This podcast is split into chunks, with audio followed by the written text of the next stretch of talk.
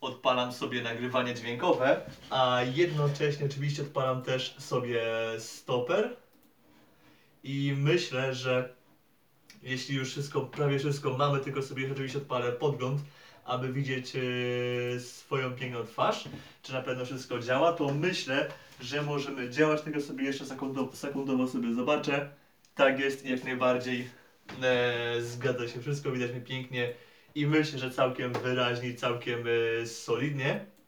To też myślę, że możemy przechodzić do właśnie pierwszych tematów, do przede wszystkim właśnie omówienia toru. Tak, tak, tak znaczy omówienia, no, to jest dużo powiedziane, bo przecież e, Kaman nie jestem specjalistą od asfaltu, nie jestem specjalistą od obiektów e, i nie jestem właściwie specjalistą od niczego. To jest to już tak w ogóle, już tak w ogóle e, wspomnimy, natomiast właśnie powiedzmy sobie parę słów o samym torze Jeddah Corniche Circuit, a więc tor, który nam po raz trzeci będzie gościł e, Grand Prix e, Grand Prix Arabii Saudyjskiej, tylko sobie oczywiście odpalę sobie światło, ponieważ e, fajnie byłoby właśnie, byłoby, żeby właśnie było mnie jakoś w miarę dobrze widać. O, cyk. I teraz myślę, że no jestem myślę, że całkiem fajnie widoczny w tym momencie. Więc to dobrze. Czy mamy też jeszcze w takim podgląd? Ja myślę, że myślę, że znów coś się. O. Pyk. Raz. Dwa. O. I jeśli nic się nie popsuje, to będzie już tak trwało cały czas. Ale dobrze, przejdźmy już do meritum, do tematu tego, czym, o czym dzisiaj będziemy mówić, a więc właśnie najpierw, najpierw sam- samo słowo o torze. Jak wszyscy pewnie dobrze właśnie wiemy, ten obiekt już jest dobre 3 lata w kalendarzu, znaczy to jest jego trzeci rok. Pierwotnie miał być on takim torem zastępczym, jeśli chodzi o organizację Grand Prix Arabii Saudyjskiej, ale wygląda na to, że na przynajmniej do 2027 roku e, będzie nam dane to się ścigać, znaczy nam, kierowcom F1 oraz F2, ewentualnie może jeszcze F3. I szczerze powiem, że to nie jest najgorsza opcja. E, patrząc po tym, co zaprezentowano nam, jeśli chodzi o ten tor już stały, ten, który już tam miał, miano by wybudować gdzieś już do, do komplet- konkretnie na pustyni, to Jeddah Corniche. Em, Ten pierwszy wyścig był jedną wielką inbą, e, każdy zderzał się, właściwie z każdym, była wiadomo czerwona flaga, jedna chyba nawet druga, już nie pamiętam. W, ka- w każdym razie było dość sporo restartów, chyba tak, by- były dwie czerwone flagi. I sporo kontrowersji między Hamiltonem a Maxem Verstappenem. Wszyscy to pamiętamy, pamiętamy, jak to się skończył potem jeszcze w Abu Zabi. E, natomiast y, parę miesięcy później dosłownie mieliśmy ten wyścig o taką drugą rundę Mistrzostw Świata i ta walka właśnie Verstappen-Leclerc, szczególnie w tej środkowej części wyścigu, była czymś fenomenalnym, była czymś świetnym, coś co bardzo fajne właśnie uświetniło całe widowisko. E, sporo też zawdzię- zawdzięczaliśmy wówczas temu, że punkt detekcji DRS-u był zlokalizowany na wejściu w, w ostatni zakręt i na głównej prostej, dzięki temu mieliśmy e, zabawę z tym, kto będzie miał DRS, by właśnie mieć przewagę, ponieważ ten DRS naprawdę dawał sporo, jeśli chodzi o prędkość na prostych, na głównej prostej, co bardzo mocno pomagało właśnie, e, czy to wyprzedzić rywala, czy może go skontrolować, czy może od niego odskoczyć. Było tutaj parę konfiguracji, ostatecznie najlepiej się na tym Najlepiej to wszystko wykorzystał Max Verstappen, który rok temu wygrał z pole position po raz pierwszy w karierze z czasem na poziomie minuty, minuty 28. Wystartował Sergio Perez. Perez no troszkę nie najlepiej się spisał w tamtym wyścigu, ale cóż, Perez miał lepsze, gorsze wyścigi. E, wracając do samego, do samego obiektu już tak e, stricte, no to trzeba sobie na pewno powiedzieć, że skoro to jest to tor uliczny, to trakcja na tym obiekcie może być wyzwaniem e, zarówno właśnie na wyjściach zakrętów, jak i też na wejściach, na hamowaniach. W tych miejscach e, trakcja może być wyzwaniem, no po prostu e, nie ma w tym, na, tym, na, tym, na tym asfalcie, nie masz takiej przyczepności, ponieważ no przez właściwie cały rok, poza właśnie tym jednym weekendem, no jeżdżą tam samochody drogowe, więc nie ma właściwie komu tej gumy nałożyć. Plus tylko jest taki, że w tym regionie świata akurat e, no deszcz e, nie jest czymś e, często spotykanym, więc e, troszkę nam to ułatwi, e, zawodnikom to ułatwi troszeczkę pracę. E, Jeśli chodzi o same opony, to będziemy mieli opony C2, C3, C4, a więc twarda, pośrednia, miękka. To, to też wynika z tego, że skoro jest ten tor jest taki mniej, mniej trakcyjny, oczywiście on też ewoluuje. Przyjemność jak na każdym torze ewoluuje w trakcie weekendu, ale na torze ulicznym ewoluuje ona najszybciej, znaczy najszybciej, najbardziej, no bo ponieważ właściwie idziemy z poziomu zerowego. Jeśli, idziemy, jeśli ścigamy się na torach typu Barcelona Katalunia, em, Silverstone, Nürburgring czy Spa, czy nawet nie Suzuka, to nawet jeśli ten tor jest powiedzmy zielony na początku weekendu i tej żywności jest dość mało, to i tak jest to w lepszy stan niż ten stan, jaki jest wyjściowo, wyjściowo na torach ulicznych. Bo tam właściwie nie ma w ogóle gumy nałożonej. E, jedyną gumę, jaką można nałożyć, to po prostu jak się przejedziesz nie wiem, z motocyklem i popalisz gumę na prostych. To jest cała guma, jaką możesz nałożyć. Natomiast na torze, na torze, na torze takim normalnym, e, z tych, z tych e, drogowych, które wymieniłem wcześniej, z tych zwykłych, które są permanentnymi torami, to wystarczy, że mamy, nie wiem, parę dni wcześniej jakiś track day, czy testy jakiegoś zespołu z jakiejkolwiek serii i jeżeli przez te parę dni nie będzie padać deszcz, to jakaś tam część gumy się zachowa e, i tak dalej, ale tu już myślę, że temat, temat gumy, temat asfaltu możemy zostawić e, komuś innemu. Ja się na pewno w tym temacie nie będę jakoś e, dużo wypowiadał. Sam tor jest jeden z dłuższych w kalendarzu, bo to jest blisko ponad e, 6170 metrów, a więc naprawdę jeden z dłu- najdłuższych obiektów e, w sezonie chyba obok. No dłuższy jest tylko już chyba Baku i no wiadomo Spa, ale to jest e, inny temat. Jeśli chodzi o też zużycie paliwa, to też e, z racji takiej długości oraz też takiej chara- charakterystyki takiej em, z jednej strony szybkiej, ale też jest parę sekcji, stop, parę miejsc e, stop and go'owskich, tak to nazwijmy, no to też paliwo też może mieć spory wpływ na to właśnie jak się będzie, będzie przebiegała rywalizacja. Bardzo ważna rzecz przed tym weekendem parę modyfikacji, to że poczyniono właśnie w paru miejscach wymalowano nowe krawężniki, troszkę poprzesuwano parę ścian, w szczególności tam w trzecim sektorze, gdzie rok temu Mick Schumacher się e, bardzo fatalnie się rozbił e, do tego stopnia, że musiał on wylądować w szpitalu, a samochodu nawet nie próbowano odbudować na niedzielę, ponieważ no, obawiano się, że może ekipie zabraknąć e, części zapasowych. Em, w tym miejscu troszkę to miejsce, powiedzmy, tak troszkę zaostrzono. E, by też właśnie tam, by też te samochody lekko spowolniły, rzeczywiście spowolniły je też, a to też spowolnił ten regulamin, który no dość mocno się zmienił względem zeszłego roku, jeśli chodzi o sekcję podłogową. Natomiast jeśli spojrzymy na to, że w Bahrajnie już po tych tam dwóch dniach testów, ten, roz, ten fakt, fakt tego, że był po prostu też działał rozwój w, w trakcie zimy, no to myślę, że ten czas y, na poziomie minuty 28, jaki uzyskał Sergio Perez y, w kwalifikacjach, a w żołnierzu koniecznym minuta 28, dokładnie 200 set tysięcznych, no to myślę, że spokojnie zostanie on pobity jeszcze w FP3 i będziemy pewnie mieli jakiś czas na poziomie minuty 27 właśnie w Q3. To jest myślę, że całkiem prawdopodobne, jeśli chodzi o tor, czy coś tu jeszcze można dodać. E, no oczywiście raczej wiadomo, że pewnie jakim jest to, że nie będzie raczej e, nie będzie nam padać deszcz. Pytań, czy nie będą nam padać rakiety nad torem, e, jak to miało miejsce w zeszłym roku, gdy no, była taka bardzo niefajna sytuacja, jeśli chodzi o Aramco, etc. Ale oczywiście też e, abstrahując od tego, no wiadomo, że nie bardzo uważam, że nie bardzo powinniśmy w ogóle być w tym kraju, czy też w Katarze, czy w Abu Zabi, jeśli chodzi właśnie o e, względy polityczne oraz inne, oraz inne powiedzmy takie niefajne akcje wynikające z pieniędzy i e, pewnego washingu. No ale cóż, e, Stefano Domenicali przyjął pieniążki, no to się ścigamy. Jeżeli pan Stefano nie przyjmie pieniążków na spa, to trudno. I myślę, że możemy teraz przejść do czego? Hmm. E, zaraz sobie przejdziemy do tego, co, do tego jak, się, jak może wyglądać forma ekip, poszczególnych ekip e, w, ten, w tym weekend. Oczywiście nie wspomniałem tego chyba, ale przez to, że właśnie, że ten tor jest y, asfaltowy, asfaltowy, uliczny i asfalt jest y, po prostu taki mniej, mniej daje mniejszą trakcję, wynika z tego, że po prostu jest mniej szorstki, ten asfalt jest gładszy, oczywiście nie aż tak gładki jak na, tor, jak na torze w Soczi, ale jest dość gładki, e, to oznacza, że skoro, że trakcja z jednej strony będzie dość e, kiepska, przynajmniej na początku, szczególnie na początku weekendu. I też e, ta trakcja hamowań też nie będzie, nie będzie topowa, natomiast e, dzięki temu, że ten tor jest właśnie asfalt jest gładszy, no to też e, zużycie właśnie opon nie jest aż tak wysokie jak w Bahrajnie, co też właśnie wynika z tego, że właśnie potem są opony o stopień większy przywiezione, no i też y, to potem będzie miało przełożenie na, to, jak się poszczególne ekipy mogą spisywać, ale do tego sobie myślę przejdziemy za chwileczkę. Teraz sobie powiedzmy słówko o tym, co się właśnie działo w tak zwanym międzyczasie.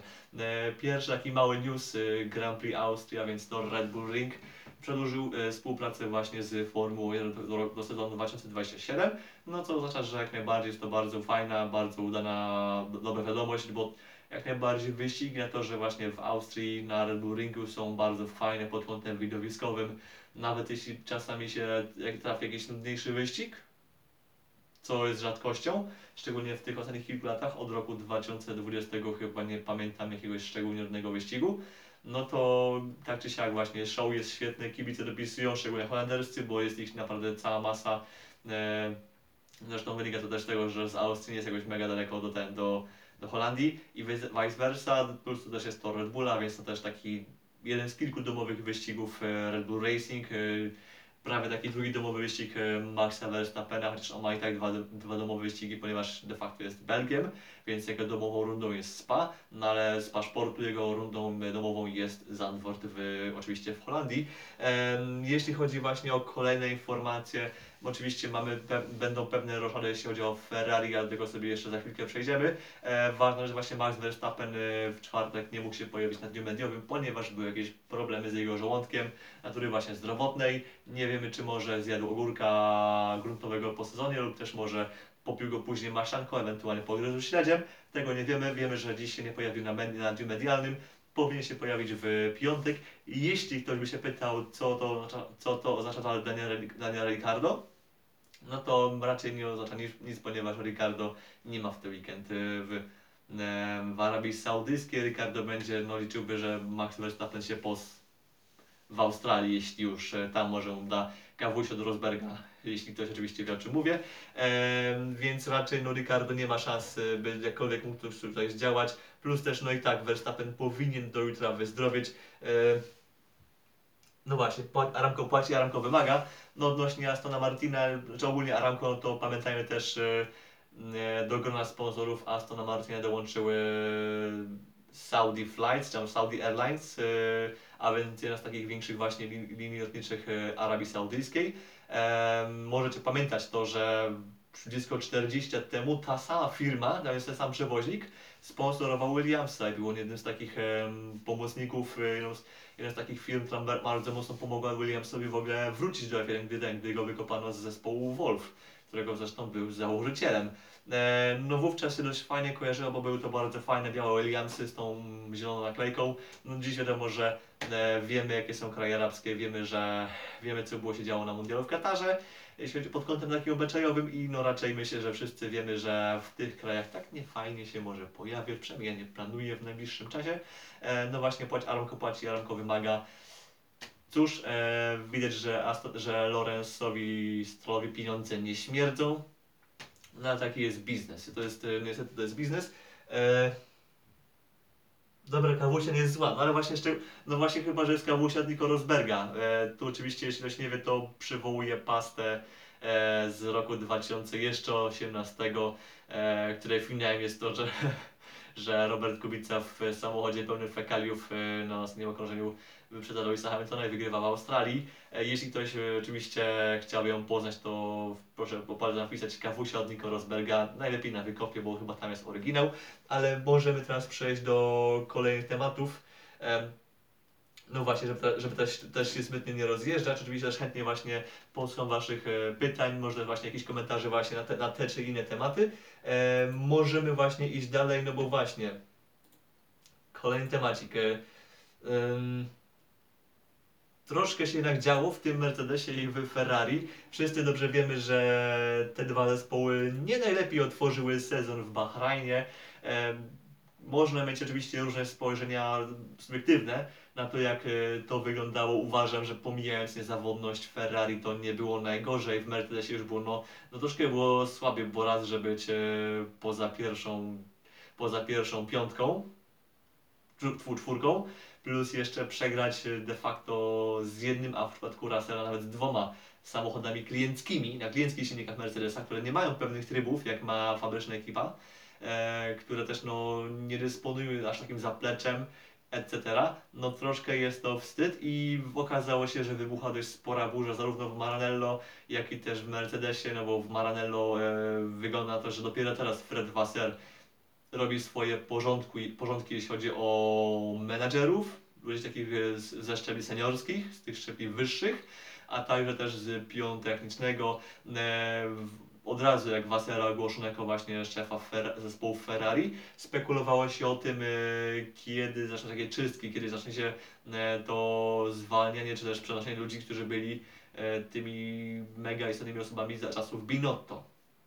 Wydawało, mi się wydawało osobiście, że jeśli to się nie wydarzy w styczniu, czy tam może do połowy lutego, no to chyba poczekają przynajmniej do gdzieś tak połowy sezonu, no bo jednak e, e, nie bardzo fajnie jest tak robić e, na samym otwarciu sezonu jakieś takie przemeblowania, gdy już się ma gotowy samochód, gdy już masz jakiś plan rozwojowy i tak dalej.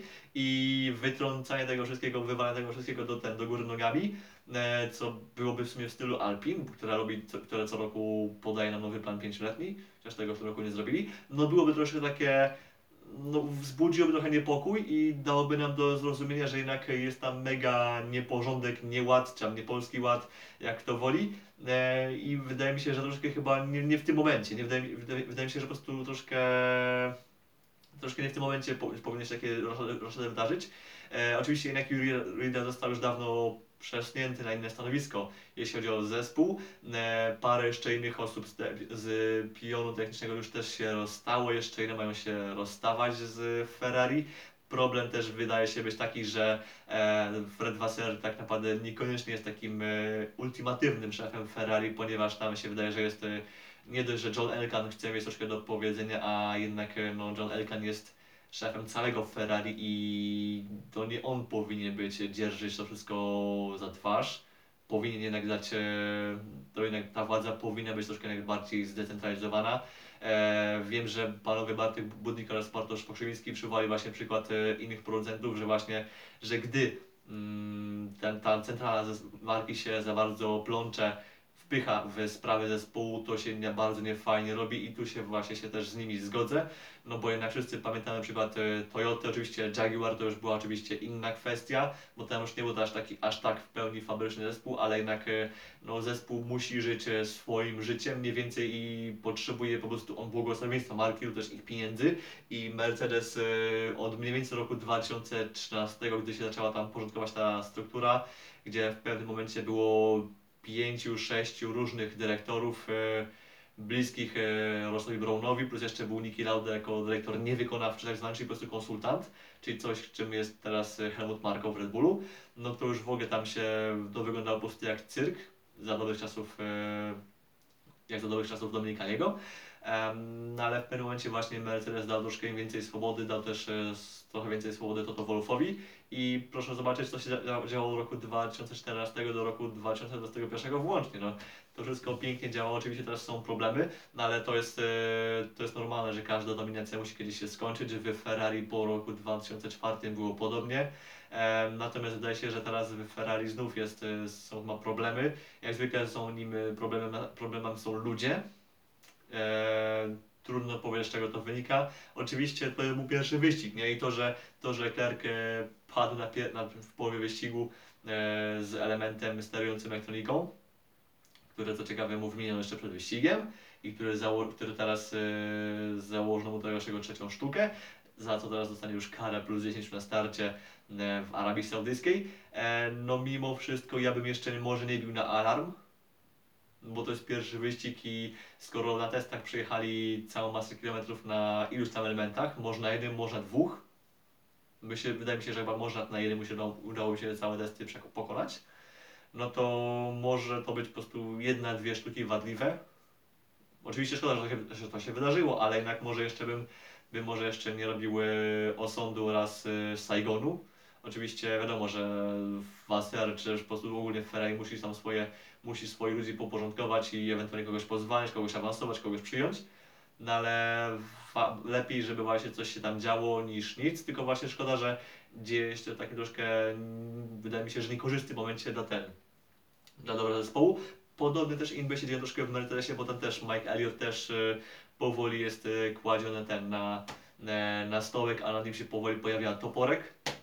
E, oczywiście James Allison, no to, to, e, to jest ten główny architekt e, całego sukcesu Mercedesie, on teraz jest e, w, in, w innej części zespołu, teraz to po- odpowiada co innego. Andy Cowell już, już się dawno temu zwinął z, z projektu przy Formule 1 stricte. Oczywiście akurat w silnikach to raczej nie ma zbyt wiele nie ma to zbyt wielkiego znaczenia, ponieważ raz, silniki są zamrożone, dwa, silniki są równe dla, dla, dla wszystkich zespołów, mimo że Mercedes jest zespołem fabrycznym, no to kwestia silnikowa nie jest to jakoś mega istotna, zresztą wystarczy zobaczyć na to, co e, robił Aston Martin z tym samym silnikiem, no jednak właśnie problemem może być podwozie. Oczywiście też e, bardzo takim głośnym echem odbiło się, odbiły się tam różne wypowiedzi Louisa Hamiltona, który dał do zrozumienia, że e, sygnalizował pewne rzeczy w zeszłym sezonie, że na bazie swojego doświadczenia, które jest, bardziej się opiera o auta nie ten, nie z efektem powierzchniowym, tylko o troszkę inne samochody, dawał do zrozumienia, że pewne rzeczy mogą nie zadziałać, mogą zadziałać lub- lub też e, potrzebuje tego, a nie tego.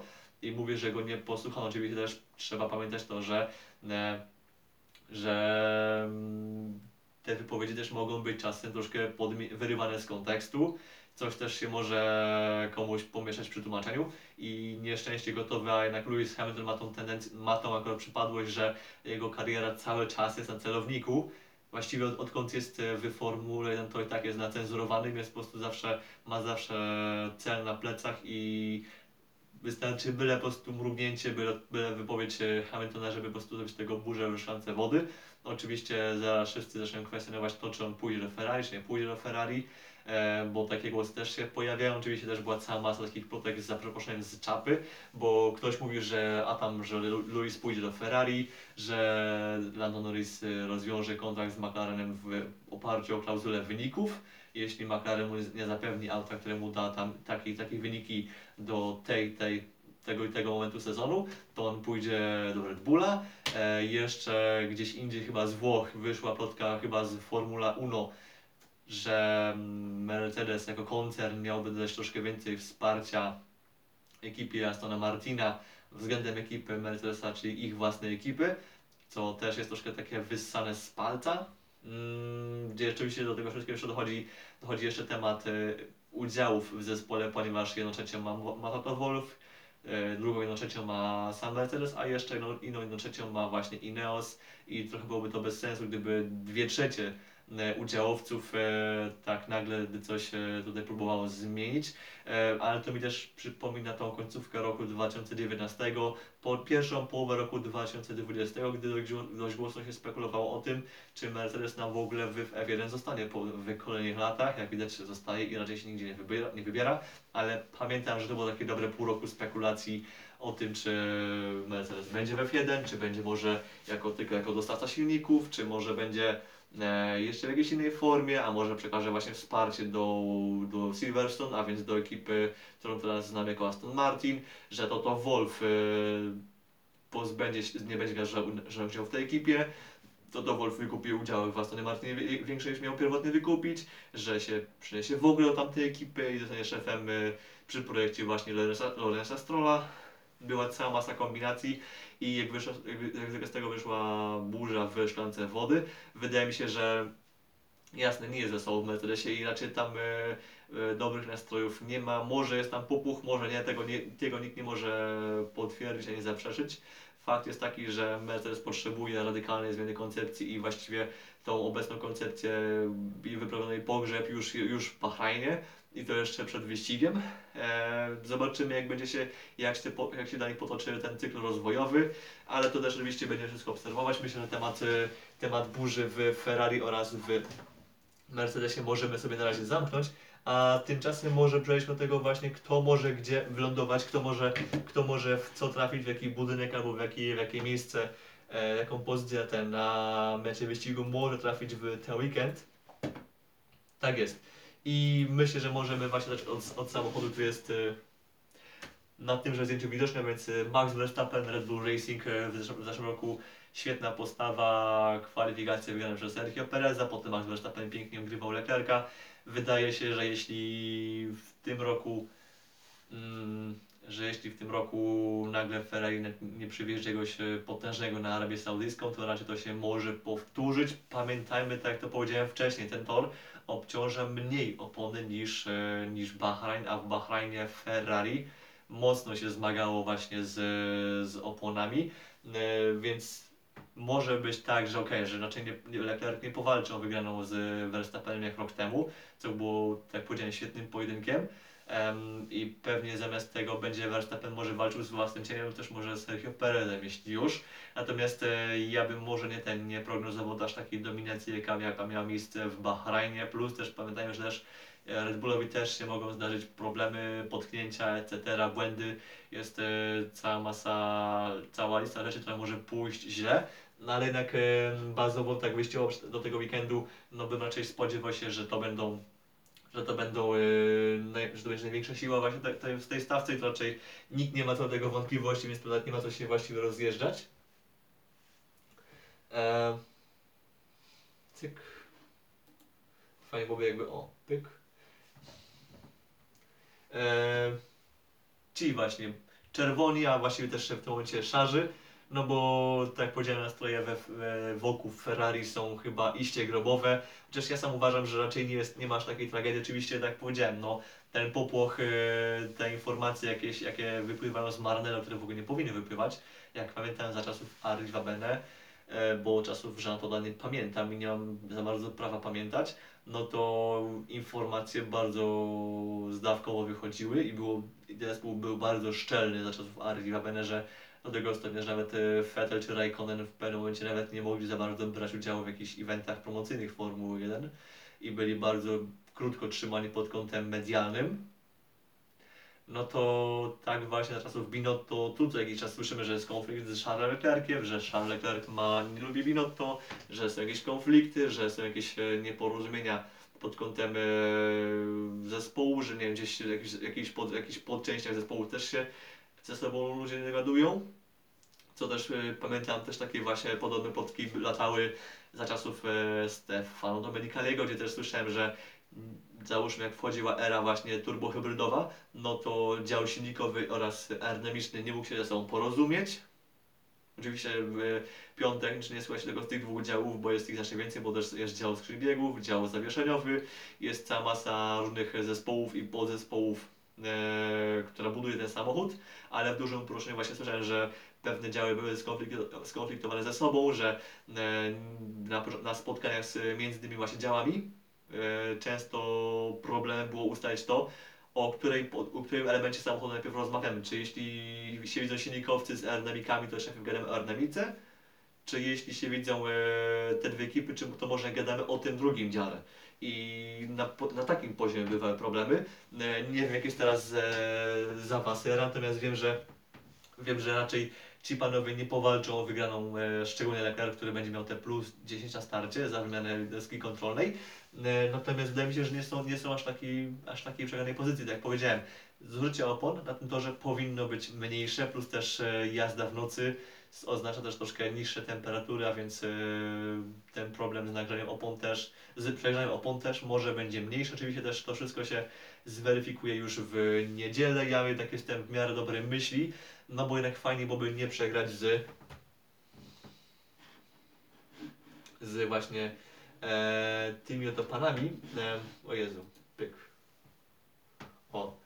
Z Astonem Martinem. Fajnie byłoby z nimi właśnie nie przegrać, albo przynajmniej właśnie stoczyć, jakąś bardzo fajną, e, w miarę równą walkę, no bo jednak, e, no bo jednak, e, tak jak powiedziałem, to nie jest ekipa fabryczna, to jest klient względem, względem Mercedesa. E, oczywiście po, tej po tym podium od razu już się Balny się jeszcze bardziej napompował. Pamiętam, e, tylko pamiętajmy właśnie, że po kwalifikacjach jak, ten Balny wyglądał. Że było, były, były testy, tu było po prostu wystrzony ten balnik, potem są treningi jeszcze bardziej po prostu piku, po prostu pikuje do góry, bo zwykle pikuje się, pikuje się w dół, ale tu po prostu też była po prostu hiperbola i było zaraz hurdur, walka o wygraną z Verstappenem. Potem przychodzą kwalifikacje i ten balnik upuszcza powietrza, czy on wytrzyma, troszkę z niego tam ten, już się pojawiają, pojawiają się wątpliwości, a może jednak to nie jest aż takie dobre auto, a może po prostu był sandbagging i jeździli, jeździli mm, e, z podkręconym silnikiem częściej niż powinni i troszkę może za bardzo kombinowali przy niskich e, ilościach paliwa i nie robili może aż tak długich przejazdów, jakby, jakie by mogli. I te czasy może nie były aż takie wówczas fajne, ale potem przychodzi nam sam wyścig i jest bardzo fajnie, jest e, świetna walka z Carlosem Saincem, możliwe, że by dogonił też Alonso Leclerca, Lance Stroll też bardzo porządnie się spisujący, jeśli chodzi o to, że był, no, był po prostu po kontuzji w sumie dalej jeszcze nie jest do końca sprawny. Ja myślę, że w Australii będzie w pełni z tym wszystko ok, tak czy inaczej. Aston Martin jest i tak stawiany, myślę, że gdzieś między Mercedesem a Ferrari, przynajmniej po tym właśnie pierwszym wyścigu. Pamiętajmy też, że na razie wszystko, co wiemy o tym sezonie, o tym, jaki jest układ sił, opieramy o testy i o pierwszy wyścig, a te dwa miały miejsce na tym na jednym torze, jaki był Bahrain International Circuit. E, to jest dopiero drugi tor, na jakim będzie mieć dane mniej więcej uzyskać informacje o tym, jaki jest układ sił i to układ sił na ten moment, bo też no, e, cały czas ten development jest, e, jest też hiperbolizowany, że wszyscy są w tym wczesnym etapie rozwoju samochodów i też ten rozwój jest agresywny. E, jak już to się ustabilizuje w Europie, no to może być jeszcze inaczej, natomiast na razie wydaje się, że Aston Martin powinien walczyć z Ferrari o podium. Czy tak będzie? To się okaże. Właśnie w ten weekend może im e, opony mogą im nie, że mniej sprzyjać, tylko po prostu fakt, że jak już powiedziałem, degradacja jest mniejsza, no to, e, no to będą mieli mniejszą przewagę nad Ferrari. No ale z drugiej strony prędkości na prostych, bo tych prostych i jeszcze szybkich, szybkich odcinków e, procentowo na tym torze względem Bahrainu jest więcej, więc e, mogą być e, jeszcze, jeszcze dalej przed Mercedesem. To też nam tylko dopiero nam pokażą treningi, kwalifikacje, wyścig. E, idziemy dalej. A więc już Alpin i właściwie reszta stawki. No jeszcze oczywiście jest Mercedes, no ale Mercedes wydaje się być u progu weekendu skazany na, na bycie tą czwartą siłą, co jest mega spadnięciem z, ze stołka, z rowerka i tak dalej. No bo jednak e, wydawałoby się, że przez zimę mega przepracują sezon, że będą doskonali i w ogóle będzie och, ach, i będzie pięknie, a tu okazuje się, że aż tak idealnie nie jest. Oczywiście też nie ma dramatu, czy nie no, w sumie jest dramat, ale no, e, że są w stanie takie czwarte, piąte miejsce walczyć, no tylko właśnie e, jak to będzie wyglądało z tor na tor, plus też e, mówi się, że też ta koncepcja samochodu ma się zmieniać jeszcze w trakcie sezonu, że mają być gruntowne przebudowy. Oczywiście każdy ma mocno przebudowywać swój samochód, ale jednak e, co innego jest, gdy przebudowujesz e, Aston Martina, który po prostu wymaga e, dopracowania, znaczy do, wymaga, no po prostu jest świetną konstrukcją w bazie i teraz będzie po prostu dopracowywany będzie rozwijany pod kątem udoskonalenia pewnych, as, pewnych aspektów, ich rozwinięcia oraz może jeszcze zrobienia czegoś, czegoś, czegoś tam, co jeszcze, co jeszcze tam wyczesają w fabryce. A inną sytuacją jest to, gdy przywozisz auto, które wydawałoby się, że włożyłeś mnie całe serce jako zespół, włożyłeś mnie prawie cały rok zeszły, bo część w pewnym momencie Mercedes e, olał już rozwój W13, włożyłeś w tą koncepcję więcej czasu niż zwykle byś włożył, kosztem właśnie tamtego roku. E, wiążesz z nim spore nadzieje, przywozisz go na shakedown, przywozisz go na testy, okazuje się, że to w ogóle działa, e, przyjeżdżasz też z tym na wyścig, okazuje się, że no jest, e, nie ma za bardzo rozwoju, nawet bym powiedział względem rywali, jest delikatny krok wsteczny, no bo jednak, no bo jednak rywal nie spali i nawet Ferrari nie spało. Więc to jest, to, inna, to jest inna sytuacja. I Mercedes jest troszkę nie że w popuchu, ale ale jednak muszą odrabiać. Aston Martin w tym momencie wydaje się, że no oczywiście musi gonić Red Bulla, ale no oni wiedzą, że do, do, dojechanie Red Bulla będzie mega trudne. Przejdźmy może do Alpin. Alpin wyda, wydaje się, że e, może być taką wysepką. Oczywiście pierwszy wyścig e, nam pokazał, że że nie wiemy w sumie gdzie jest Alpin, ale skoro Pierre Gasly z końca stawki się przejmie na P9 i lepszy od niego z tej całej reszty już tylko Valtteri Bottas na P8, gdzie z kolei jeszcze Esteban Ocon pokazał, że tym autem do Q3 się da wejść, no to wygląda na to, że jeśli nam ta czołowa czwórka, która w tym, w tym roku właśnie jest czwórką, a nie trójką, się nam zabetonuje, no to, to Alpin może być taką właśnie piątą siłą. Ehm, oczywiście od Marszafnauer tam dawał buńczuczne zapowiedzi przed sezonem i tam jeśli coś tam, coś tam jeśli, no to wygląda to, że na razie tego mitu, z tej myśli o utrzymaniu czwartego miejsca oraz też marszu w górę, no na razie wygląda to, że to się nie za bardzo się wydarzy, ale bardzo fajnie będzie zobaczyć e, i Pierre Gasly'ego oraz Estefana Ocona jadących e, czystszy weekend niż miał to miejsce w Arabii Saudyjskiej, niż miał to miejsce w Bahrajnie. Jeśli właśnie by się udało, to myślę, że Obaj mogą być e, w punktach, oczywiście nie wiemy, co może pomóc, co może im przeszkodzić. Oby zawodność dopisała tym razem niż, niż w zeszłym roku. Oby chociaż tyle. E, oczywiście dalej w- nie wiemy, gdzie jest do końca Alfa Romeo, to jest ciekawe. McLaren też cały czas będzie odkrywał karty, bo jednak e, jedni mają problem z niezawodnością, inni mają e, świetne auto u progu sezonu, a potem e, wiemy, jak to, jak to wyglądało w Alfie rok temu, że ten rozwój tak nie za bardzo i te punkty bywały zdobywane raz nawet na ileś tam wyścigów, co no troszkę nie pomagało zespołowi i Alfa się dopiero tak dosłownie się na włosku się utrzymała na tym szóstym miejscu w klasyfikacji generalnej, e, co chyba okazuje się, że było zbawieniem dla Astona, który po prostu dzięki temu miał więcej godzin w tunelu do wykorzystania i mogli lepiej przycisnąć rozwój samochodu. E, Yikes. Więc e, to, się- to im się udało. E, Alfa Tauri to też jest ciekawe, czy gdzie będą stali względem Williamsa. E, no bo ten pierwszy wyścig pokazał, że te dwa auta są sobie bliskie i są jednocześnie też e, e, jednymi ze słabszych, ale chyba nie aż tak słabym jak samochód Hasa, który wydaje się, że e, mimo kopiowania Ferrari dobrze sobie radzi w kwalifikacjach, bo jest w stanie tam dość, dość do tego Q3 domarszować, co Nico Hülkenberg pokazał w Bahrajnie, natomiast e, czar pryska po starcie, bo nagle się okazuje, że on tych opon nie trzyma, w sensie samochód, nie Hülkenberg.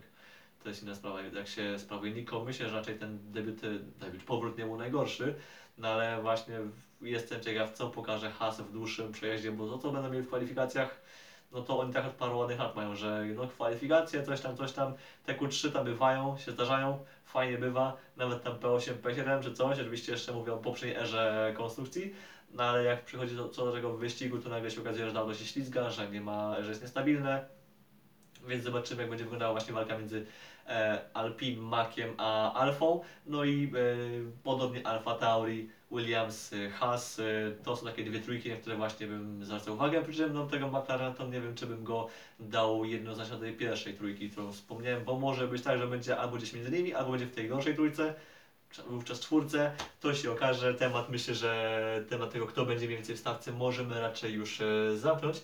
I czy coś tam jeszcze zostaje z, z Formuły 1?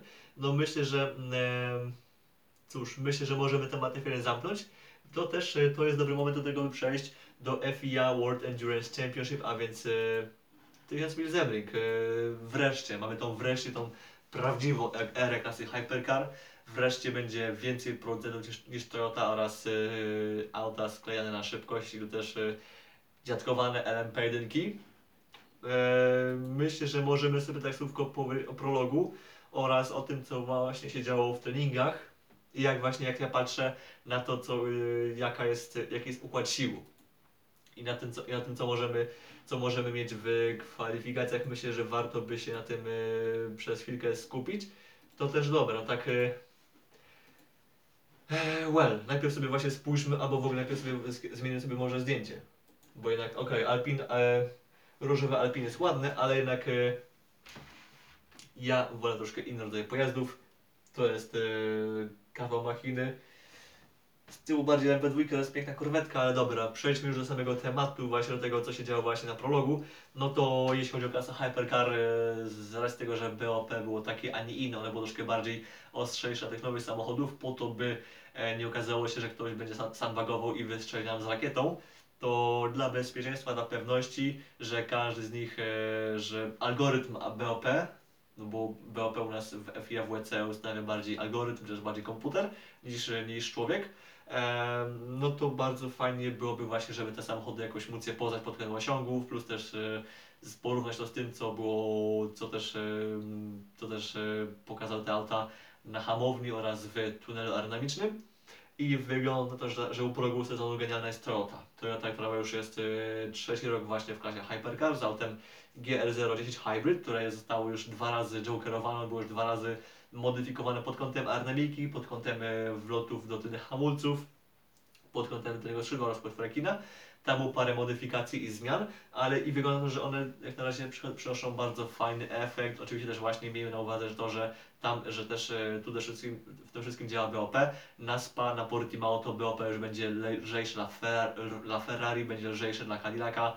e, dla Porsche, etc. Oni już będą mieli troszkę więcej mocy mniej masy i tak dalej, więc będą bardziej konkurencyjni, ale tak czy inaczej wygląda to, że właśnie Toyota jest e, świetna, ale Cadillac, jeśli spojrzymy na to, na to, nawet na tego jednego właśnie Cadillaca, który jest właśnie rodzynkiem stawce, bo jest to właśnie jedna sztuka tego samochodu e, z numerem 2, dodatkowe auta 1 oraz e, 31 zespołu Action Express dojdą nam na Spa oraz Le Mans właśnie jako takie one-offy, głównie właśnie w Le Mans, no to jeśli spojrzymy na samego Cadillaca, on jest y, naprawdę bardzo dobrze przygotowany. Oczywiście też pamiętajmy właśnie BOP cały czas ma tu udział i to auto jest jednym z lżejszych samochodów w stawce. Natomiast właśnie w szczególności Earl Bamber, on bardzo mocno śmigał, więc nie zdziwiłbym się, że gdyby- go Cadillac właśnie wystawił w kwalifikacjach, bo właśnie Bamber dawał świetne wyniki i czy to w prologu, czy, czy też potem w treningach.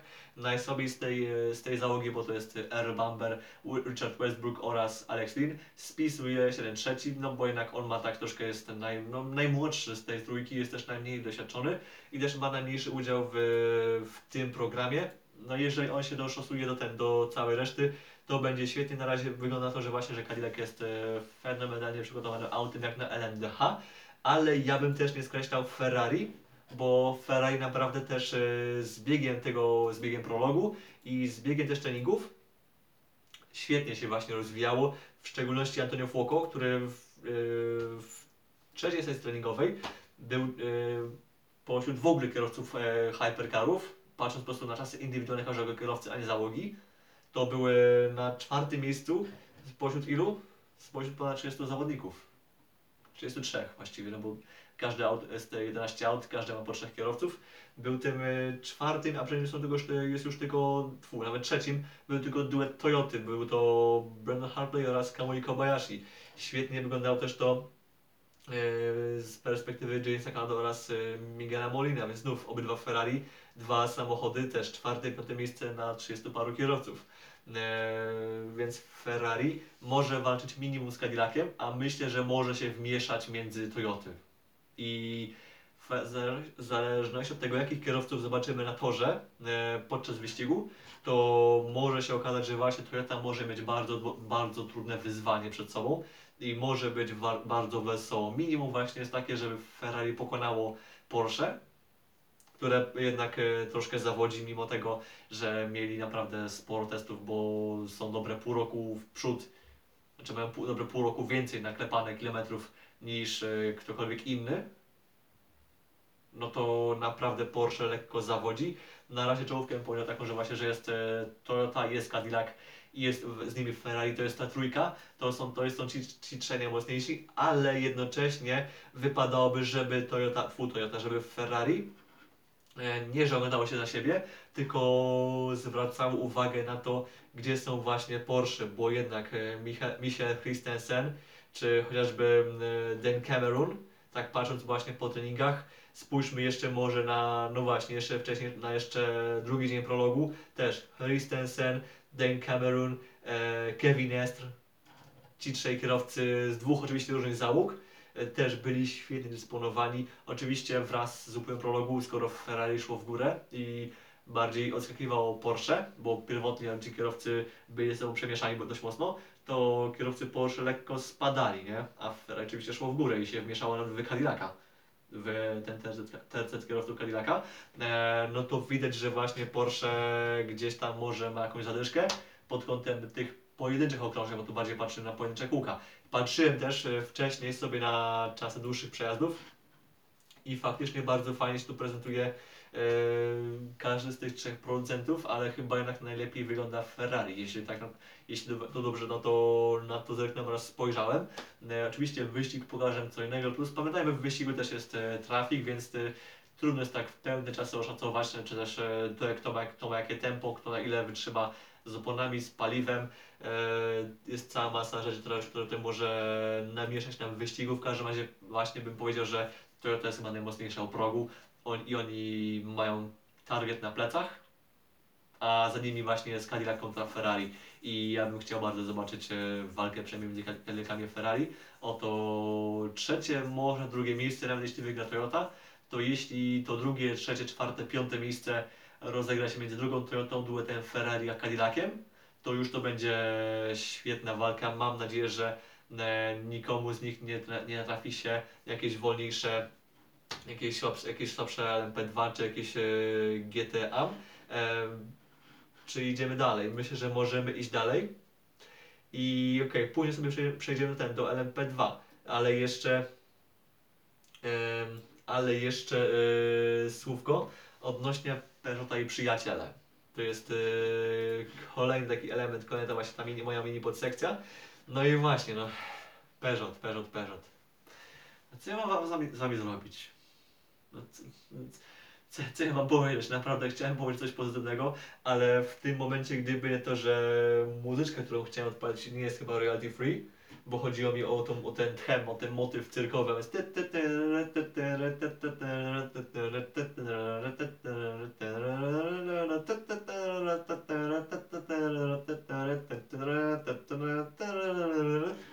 No to tą muzyczkę.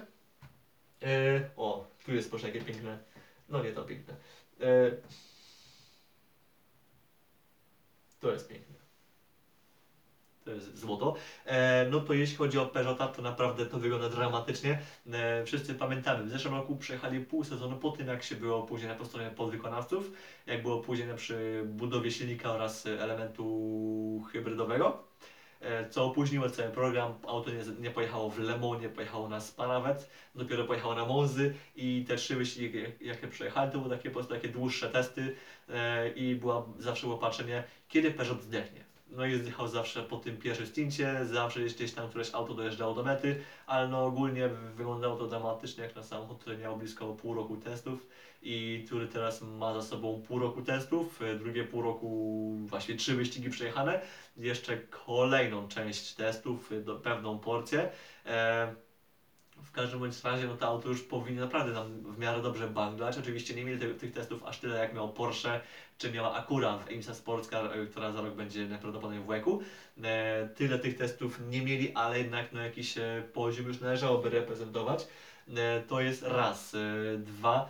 Wydaje się, że koncepcja braku tylnego skrzydła już w ogóle doskwiera e, Peugeotowi, ponieważ okazuje się, że w tym roku wprowadzając zmiany w aerodynamice, wprowadzili takie e, dwa małe tylne skrzydełka nad, za tylnymi kołami, coś na wzór tylnego skrzydła w Formule F w samochodzie drugiej generacji, czyli takie mniejsze, takie małe płaty, które mają być e, skrzydłami, ale no nieoficjalnie, ale oficjalnie nie jest to tylne skrzydło, tylko po prostu takie elementy, takie powiedzmy takie deflektory, o, deflektory, które po prostu mają e, dawać docisk. Tak bym to może nazwał, ale no oficjalnie to nie jest e, tylne skrzydło, ale widać, że, Pe- że Peugeot bardzo by chciał je mieć.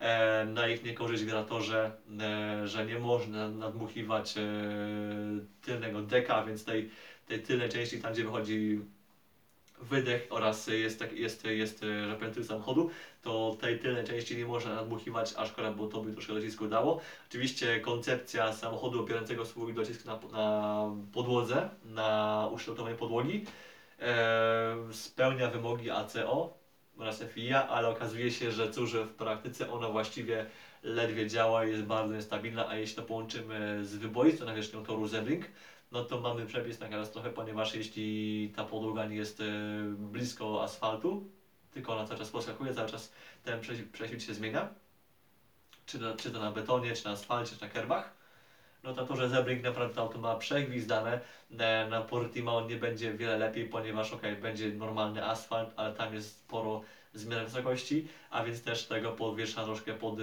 podłogę może wejść w, chyba pod tym kątem, jakiego by tego, by tego nie chcieli, ale może się okaże, że nie mam racji, pewnie nie mam racji, to jest, to jest myślę, że, myślę, że pewne. E, No ale wesoło też nie jest w, Glickenha- w Glickenhausie, który też zmaga się. E, I oni i Bajkoles zmagają się z pewnymi problemami. Bajkoles zmagał się bardziej z niezawodnością, chociażby dziś w trzecim treningu się samochód w ogóle zatrzymał.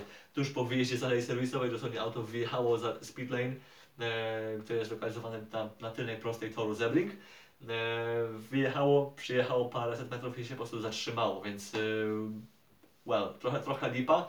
Bardzo fajnie byłoby jednak nie zobaczyć tego typu kłopotów w kwalifikacjach i wyścigu, ponieważ raz były testy i auto spisywało się dobrze. Dwa, no jednak zepsucie na wyjeździe dalej serwisowej, no prośba.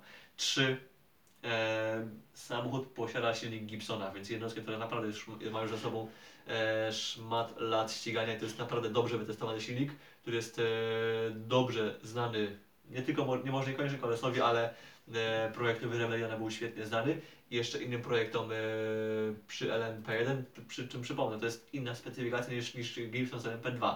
Troszkę inna pojemność jeszcze parę innych rzeczy też się różni i więc przez to to nie jest e, dokładnie ten ten sam projekt. E, kończąc temat Michaelesa, no i jeszcze powiedziałem Glickenhaus.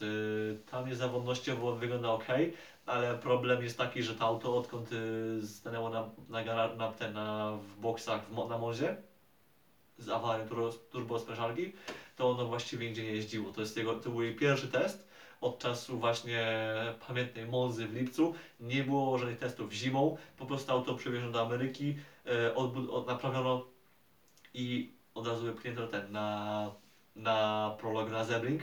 Y, Przez to problem jest chociażby to, że ten samochód, że ten zespół nie zna w ogóle opon, jakie są w tym roku, a w tym roku jest dość spora zmiana, ponieważ e, zlikwidowano koce grzewcze w, w, w FIA w WEC. Nie mają ich ani właśnie GTA, ani mają LMP2, ani Hypercary, co oznacza, że jest e, troszkę inny sposób jazdy. Obowiązuje przy wyjeździe na pierwszych kółkach po wyjeździe z boksów, no bo jednak te opony trzeba dogrzewać samodzielnie, a nie przy użyciu koców, co no, jest trudnym wyzwaniem. E, pomocne jest to, że opony są przygotowywane przez mistrza, który wie, jakie są mniej więcej obciążenia, jaki jest mniej więcej e, poziom docisku jednego samochody, więc wiedzą, jakie są obciążenia, jakie będą, e, pod, jakim będą poddawane opony. Co jest e, dobre, ale no właśnie jak sam fakt, że trzeba te opony dojrzeć sam, samodzielnie, no jednak mocno utrudnia zadanie. Pierwsze dni były wręcz dramatyczne, jeśli chodzi o właśnie o załogę Glickenhausa, ponieważ żeby nie skłamać, gdzież nam tu się zapodział. E, no auto traciło po blisko 4 sekundy na okrążeniu do, do liderów, co już stawia je mniej więcej w okolicy samochodów LMP2. Jeśli by miał potem zobaczyć, gdzie to, gdzie to, gdzie, w czym to poszło, no to drugiego dnia urwali sekundę, czyli już były 3 sekundy straty do liderów klasy Hypercar. Teraz na treningach, jeśli tutaj dobrze sobie patrzę, no to Richard Westbrook e, 2,5 sekundy traci, a więc e, cały czas dość sporo, ale widać, że jest to sukcesywnie urywane. Bardzo fajnie byłoby, gdyby się udało jakiś pieniądz na testy ogarnąć, ale wydaje się, że jest to bardzo mało możliwe. 2,7 w drugiej sesji jako najlepszy czas najbliżej, najbliższy liderom. Natomiast e, jeśli chodzi o trening trzeci, który miał miejsce właśnie dzisiaj, naszego popołudnia, no to momencik, żeby teraz e, nie skłamał, żeby teraz się nie pomylił. Eee, czy to było znów e, 4 sekundy? No wygląda, że to, że to były znów 4 sekundy, więc znów była, znów była lipa. Em, Oczywiście nie można patrzeć za bardzo na, czas, na czasy z trzeciej sesji, ponieważ jedna z Toyota oraz jedna z Ferrari miały problemy i troszkę im to ten trening e, no, utrudniło, więc e, te czasy nie są w pełni rep, re- reprezentatywne, ale jednak no właśnie ja bym się nastawiał na walkę Ferrari, Gli- Ferrari, Toyota, Cadillac, to będzie czołówka, potem będzie Porsche podgryzające Ferrari. Natomiast za nimi właśnie będzie Peugeot, który będzie po prostu gdzieś tam e, obserwował właśnie gdzie są, kto, jest przed nimi, czy mi się auto nie spaliło. No i e, na samym końcu klasy Hypercar mają nam się chyba tłuc Glickenhaus oraz e, Bajkoles, czy tam właśnie jak to woli Vanwall. Myślę, że w temacie klasy Hypercar to jest wszystko. Oczywiście też chętnie usłyszę Wasze pytania oraz jakieś oraz jakieś e, oraz jakieś, jakieś, jakieś, jakieś ten, jakieś e, dodatki. Oczywiście właśnie tu powiedziałeś Wojtek bardzo fajnie, że e, siadła elektronika jak najbardziej tak, to jest, e, to jest prawda, masz rację, no ale jednak koniec końców e, to jest cały czas silnik, który był już, jest już wytestowany i do, te, do, i do tego auta jednostka kontrolna, kontrolna też jest elementem, który też już ma, już też ma swoje najażone, bo on chyba, bo ta jednostka kontrolna od elektroniki, jest elektroniką, też nie jest e, czymś nowym. Tam nowe to są właśnie tylko elementy aerodynamiczne oraz e, część, że tak powiem, łącząca silnik z wydechem. O, tak bym to nazwał. No bo tak jak powiedziałem, to jest e, silnik z Gibsona, który już ma parę lat wyjeżdżone. Podwozie też jest bardzo mocno oparte o to, co miało, czym się ścigano w czasach LMP1. To chyba nie jest to samo, jest prawie to samo. Tam się parę punktów e, różni, przez co musiał powstać w, w ogóle nowy monocoque i to bardziej wynikało z przepisów niż tego, że obrano nową koncepcję samochodu, czy tam delikatnie nową koncepcję, to bardziej, wynikało z przepisów. No więc y, jest tam sporo rzeczy, które jeszcze pamiętają czasy LMP1. Przez to no jednak y, trochę trudniej jest mieć dla nich sympatię oraz y, dawać im aż taką, aż taką taryfę ulgową. Fajnie, że Bajkoles czy tam Van Wall jest w stawce, ale jednak no jednak fajnie byłoby, żeby ten, żeby jednak więcej pojeździli żeby jednak się nie fajczyli. To było właśnie fajne, że przynajmniej się nie spalili podczas, y, podczas treningów, podczas prologu, tak jak powiedziałeś też, były problemy z niezawodnością, no i mam nadzieję, że one się nie powtórzą e, podczas wyścigu, no jednak po to, po to to w ogóle dostało homologację i jest na, i było też na tym, na prologu, by jednak się ścigało, a jak bywało z kolesem przez te wszystkie lata, jak się ścigali w LMP1, no wszyscy wiemy, no właściwie nie wiem, czy w ogóle kiedykolwiek wyścig ukończy, ukończyli przez te kilka lat.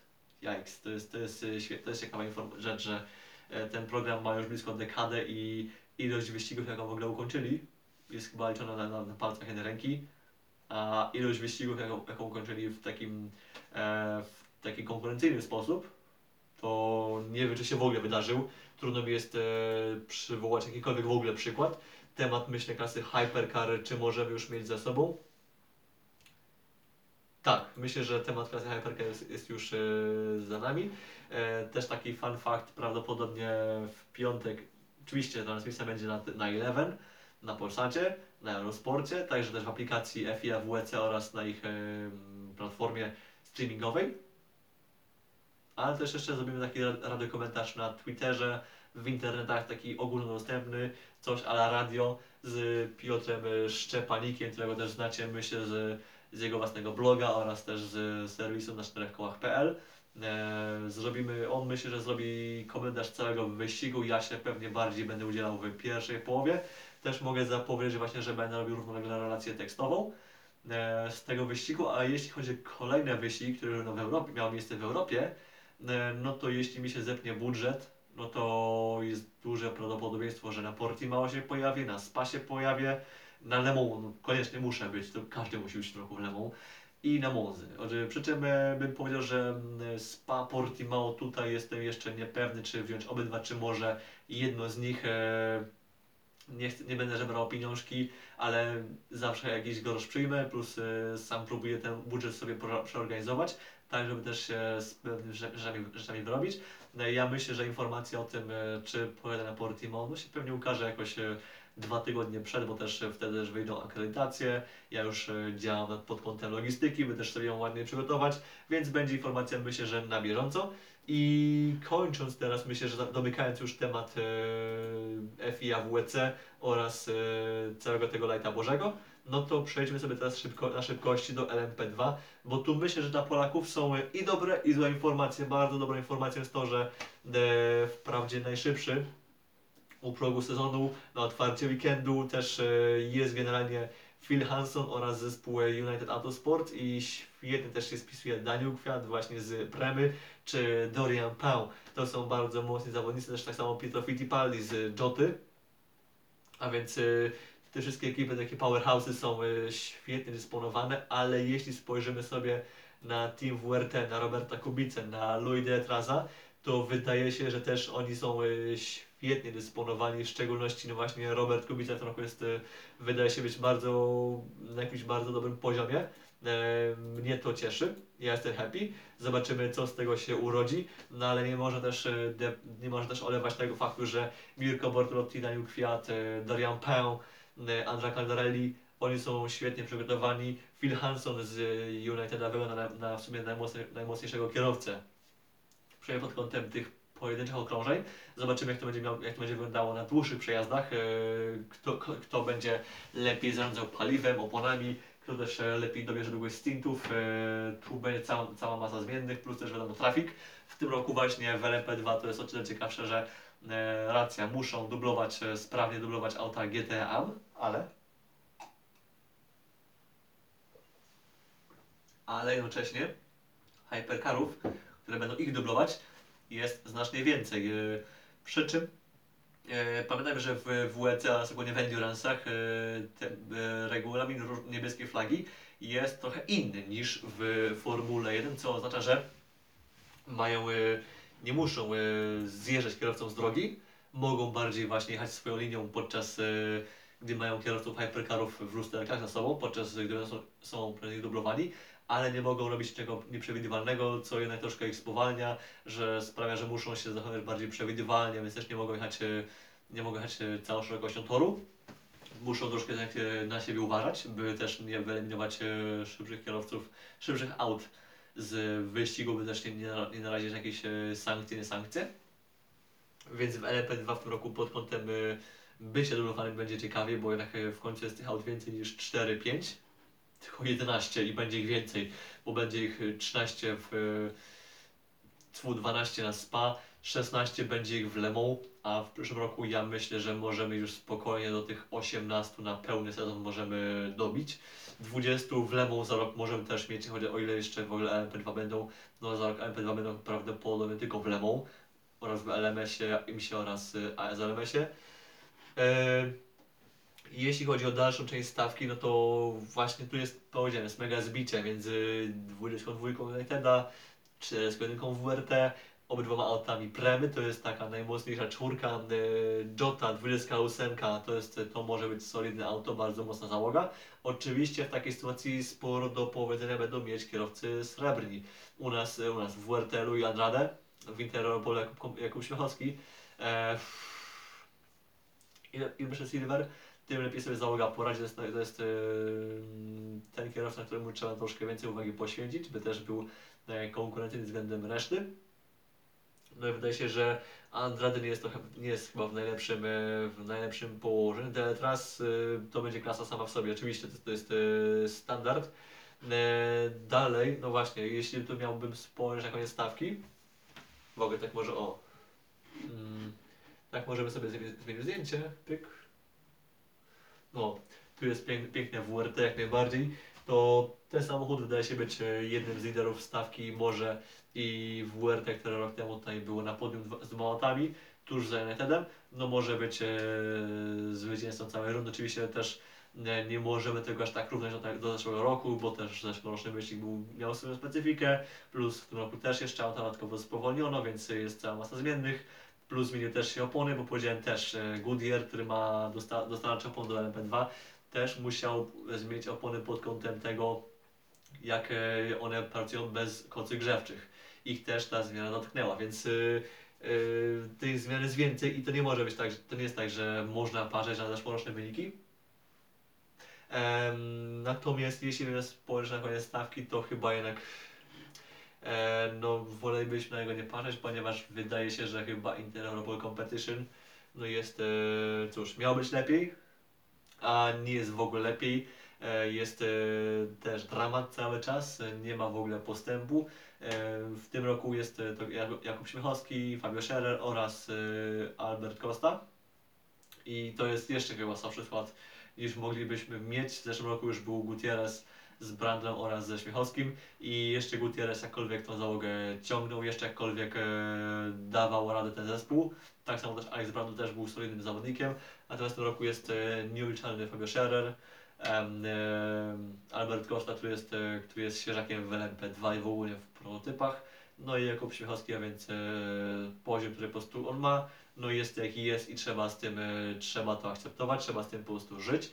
E, I to wszystko sprawia, że ten zespół po prostu wydaje się być e, najsłabszą ekipą e, u progu sezonu. Też oczywiście pamiętajmy, że jednocześnie mamy tutaj e, takie powerhouse jak United Autosports, jak WRT na widocznym zdjęciu, jak, jak Prema, jak Jota, która ma teraz jedno auto, potem będzie, potem będzie mieć, teraz ma dwa auta, potem będzie mieć jedno, bo drugie będzie w hypercarach.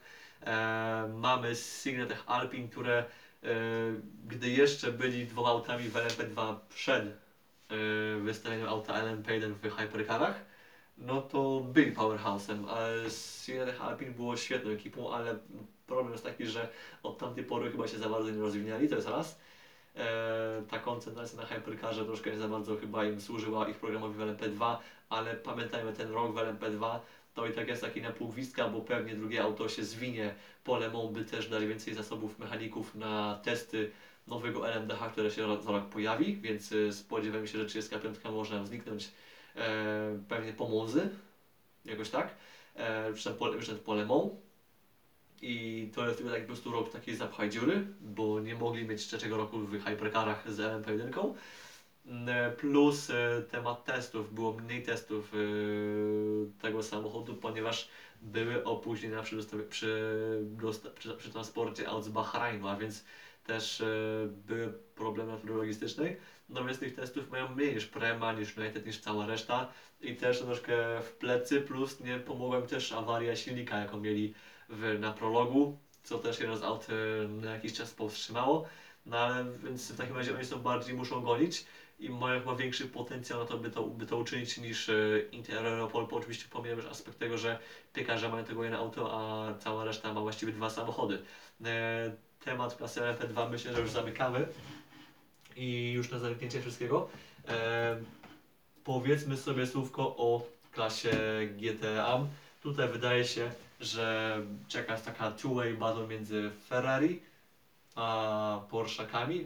W to wszystko się nam może wklepać jeszcze Corvette, które dwoma kierowcami głównymi jest e, całkiem dobrze dysponowany. Oczywiście Ben Keating to to jest e, inny poziom, ponieważ on jest brązem i on bardziej walczy z brązami, ale wydaje się, że czeka nas walka Iron Dames kontra Kessel Racing.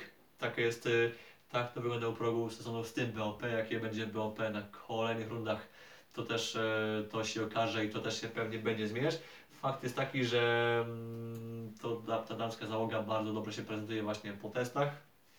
Nie wiem jak to będzie wyglądało w praktyce, natomiast w praktyce e, na razie wygląda na to, że Aston Martin dostał bardzo ostre BOP i został bardzo mocno zbity, mega spowolniony, bo w ogóle na 400 kierowców e, klasy GTA to Astona Martina to nie wiem czy możemy, no dobra, sorry, w treningu Niki Team trzecie miejsce, trzeci czas, e, ale w prologu to Aston Martin były cały czas gdzieś tam na końcu stawki były tymi, były tymi z jednym z najsłabszych załóg e, samochodów w stawce, znaczy były w ogóle naj, naj, najsłabsze autem w stawce.